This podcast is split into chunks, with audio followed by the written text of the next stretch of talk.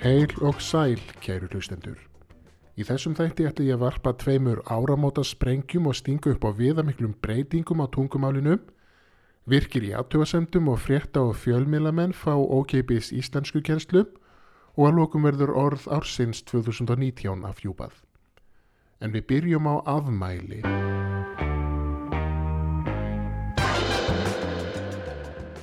Afmæli eru yfirleitt gleðiefni. Afmæli er tildekinn dagur mánadar sem það er fætist á. Það getur líka verið dagur sem einhver viðburður varð eða einhvað fyrirtæki, stopnun eða félagasamtök tóku til starfa. Afmælistagurinn er gott þýletni til að gera vel við sig í hópi vina og kunningja. En orðið afmæli er ekki jafn skemmtilegt. Eftir því sem ég hugsa meirum þetta orð finnst mér það sífælt þunglindisleira og meira niðurdrepandi. Í orðinu fælst að tiltekinn tími mælist af æfinni. Það minnir okkur á að æfin líður, við verðum ekkert yngri, þetta verður nú bráðum að verða búið hjá okkur. Eða eins og Haldur Haldursson orðar það árið 1958. Ég hygg að frum merking orðsins afmæli sé afmældur tími en sé síðar haft um daginn þegar afmörkun tímans fyrir fram. Orðið er myndað af orðasambandinu mæla af eða sögninni afmæla sem kunn er frá fyrirluta átjándu aldar. Orðið fæðingardagur hefur aftur á móti yfir sér léttara yfirbræð eftir því sem ég hugsa meira um það. Fæðingardagur er líka mun eldri í málinu en afmæli. Elsta dæmið um fæðingardag í rítmálsafni Orðabókar Háskólans er frá miðri eða setni hluta 16. aldar. Elsta dæmi um afmæli í samaríti er hins vegar frá 17. til 18. öld. Ég sé fyrir mér fund hjá síðanemnd kirkjunar á Íslandi einhver tíma á 17. öld þar sem ákveðið er að leggja niður orðið fæðingardag en taka upp afmæli í staðinn. Því það má ekki vera gaman á Íslandi, menn meg ekki skemta sér á fæðingardugum sínum, kirkjan er alls ráðandi og allir verða að hugsa um hana. Fundurinn hefur eftir því hljómað einhvern veginn svona. Sælir, kæru fundamenn, sem biskup ber mér að stjórna þessum fundi og stýra ánum. Velkomnir á þennan fund síðan nefndar íslensku þjóðkirkjunar. Borist hefur tílega um að leggja niður orðið fæðingardagur en taka upp afmæli í staðin. Því við viljum ekki að fólk skemmti sér, heldur minnist þess að lífið stýttist sífælt. Það verður að hugsa um kirkjuna og pínu frelsara vors. Eru allir samþykir þessari breytingu? Já. Afmæli og fæðingardagur merkja ekki alveg það sama. Skoðum aftur hvað Haldur Haldursson segir. Ég veit ekki hvort mönnum er almennt ljóst að orðin fæðingardagur og afmæli samsvara ekki hvort öðru nákvæmlega að merkingu. Orðið fæðingardagur er bæði haft um daginn sem aður fæðist og sama dag á ári hverju upp frá því. Orðið afmæli er hins vegar ekki haft um daginn sem er fæðast. Orðið afmæli er auk þess notað um minningardaga um atburði, félagastofnanir og svo framvægis, til dæmis 900 ára afmæli kristnitökunar, 30 ára afmæli alþýðusambandsins. Í staðin fyrir að óska fólki til hamingju með afmælið, legg ég þess vegna til að við förum að dæmi helstu nágranna þjóða okkar og óskum því til hamingju með fæðingardaginn, sem að ber birthday í ennsku, föðselsdag í Norðurlandamálum og geburtstag í Þýsku. En tölum áfram um afmæli þegar rættur um stopndaga fyrirtækja, stopnana og félagsamtaka eða þegar við minnumst einhvers atburðar. Ég vil því óska öllum sem ég þekki til hamingju með fæðingardaginn. En þá að nýjum áratug, eða ekki. Í þessum orðum sögðum er árið 2020 rétt nýgengið í garð. Við síðustu áramót breyttust tvær tölur í ártalinu, tugurinn breyttist þannig að úr einum í tvo. Sumir haldið í fram að þar með sé byrjaður nýr áratugur, aðrir segja að nýr áratugur byr ekki fyrir um næstu áramót. Þetta virðist að verða eilíðar deilumál meðal Íslendinga á tí ára fresti. Svona eins og skaupið eða breyta klukkunni eða banna flugilda, kirkjuheimsóknir batna og listamannalaun eru árleg umræða og vinsælt deiluefni í svartasta skamdeginu. Við sem komin erum til vitsögu ára munum öll eftir umræðunum um það hvenar aldamót yrðum, sem sagt hvort þau yrði árið 2000 eða 2001.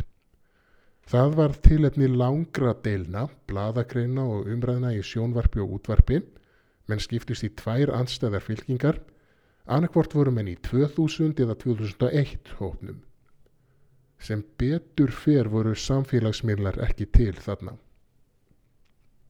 Eins og með orðið afmæli þarf Íslenskt orðfæri kringum áratug og aldur líka vera leiðilegt og minn okkur á að við erum ekki verðan eitt yngri, þetta nú bráðum að vera búið hjá okkur. Nú er sem sagt hafinn þriðja áratugur 2001. aldar. Í fljótu bræði gæti það virst vera 2030 eitthvað, en nei, það er bara 2020 eitthvað. Orðfærum aldurinn okkar er líka þunglindislegt og niðurdreipandi. Við erum gerð eldri en við erum, fólk sem er 30 og einhvað ára er á færtugsaldri, fólk sem er 40 og einhvað ára er á 50gsaldri og svo framvegis. Þetta með nýjan áratug eða ekki er ákveðið vandamál í íslensku. Því að við eigum engin orð eins og the twenties í ensku eða tjúfune í dönsku eða die zwanzig-jahre í þísku. Allt eru þetta orð yfir ártöld sem enda á 20 til 29. Að þessu leiti er íslenskan ekki nógu gagnsæ. Ég vil því koma með tvær tilugur, annarkvort að við notum frekar orðin svo 20 árin um ár sem enda á 20 til 29, 30 árin um ár sem enda á 30 til 39 og svo framvegis. Eða að kalla áratugina það sama á spil í spilastokkum. Núlið er það samt fyrsti áratugur aldarinnar, svo ég ásinn sem eru ár sem enda á 10 til 19 Tvisturinn eru þá notaður yfir ásumend á 20 til 29 og svo framvegis. Ég held að báðar þessar tilhör séu gagnsæri að núverandi fyrirkomulag og augljósar þegar við erum farin að venjast þeim. Maður þarf þá ekki lengur að hugsa sig um og rekna út um hvað verða að tala ef þetta er tekið upp. Tökum dæmi um nótkunn. Ég veit ekki hvað hún er gömul en ég geti giskað á hún sé á miðjum 30 árunum. Það þýðir hún er um það bil 35 ára. Annað dæmi, þessi plata kom út einhver tíma í áttunni. Það þýðir að platan hafi komið út einhver tíma á árunum 1980 til 1989. Erum við ekki öll sammálum að þetta sé betra fyrirkomulag? Ég vil að mista kosti hvetja hlustendur til að nota 20 árin eða tvistinn til að dreifa þessu orðalagi og koma því almenna nótkun fyrir 30 árin. en þá að lið sem hefur verið í fríi um nokkur tíma. Er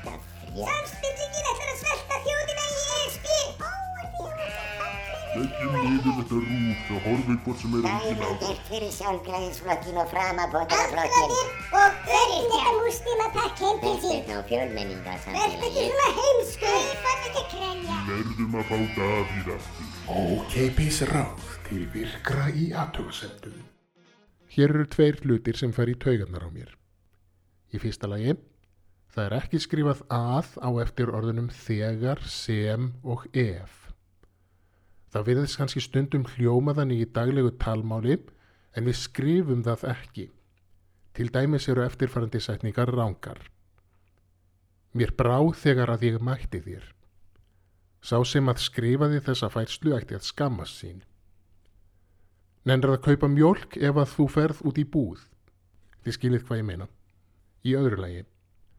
Ég hef óþægilega oft séð rángan réttátt á landi frændavara Svíja. Á íslensku heitir landi þeirra Svíþjóð. Sumir hafa einhverja tilneyingu til að skjóta auka eði í nafnið á landinu og skrifa Svíðþjóð. Það er ránt. Við leita á vefnum tímarit.is finnast dæmi um þennan rítátt allt frá orðinu 1909, þannig að þetta er ekki alveg nýtt. Landið heitir Svíþjóð, S-V-I-J-O-Eð, ekki með neinu eði inni í orðinu. Snúum okkur þá að orði ársins. Fyrri umferð kostningana um orð ársins 2019 hófst í byrjun november. Þar fenguð þáttakendur að velja 5 orð af 70 og gefa þeim stig frá einum upp í 5. Tíu stigahæstu orðin úr þessari atkvæði greiðslu komist áfram í setni umfyrðina. Sum þeirra voru ábyrrandi í fréttum og þjóðmála umræðu á árinu 2019 en önnur hafa verið til lengur. og orðin sem komust áfram eru eftirfarandi lesin í stafrósröð avokadóslis, flugviskubit, gönna, klausturfokk, kósíkvöld, loftslagskvíði, pappakassi, slapplap, umferðarklám og þunnudagur. Stigahæsta orðið af þessum tíu verður valið orð ársins 2019 og orðið sem hlaut flest atkvæði eða 90 af 406 atkvæðum er loftslagskvíði. Skilgreining á orðinu á vefnum orðabókin.is er tilfinning sem felur í sér kvíða, áhyggjur eða óvissu vegna loftslagsbreytinga. Til dæmis að jörðin og heimurinn séu alveg að líðundir lok vegna mengunar og loftslagsbreytinga. Orðið er ekki alveg nýtt, ég hef fundið dæmi um það allt frá árinu 2011 en það rýmar vel við umræðuna á síðasta ári þar sem loftslagsmál voru áberandi. Sumir eiga sjálfsagt eftir að finna þessu orði allt til foráttu, svona eins og orðinu hrútskýring og sagt þessi ekki við að orði sé til yfir höfuð. En með því að horfast í augu við loftslagsvandan og gera einhvað í málunum, má vel vera að orðið verði óþart eftir nokkur ár.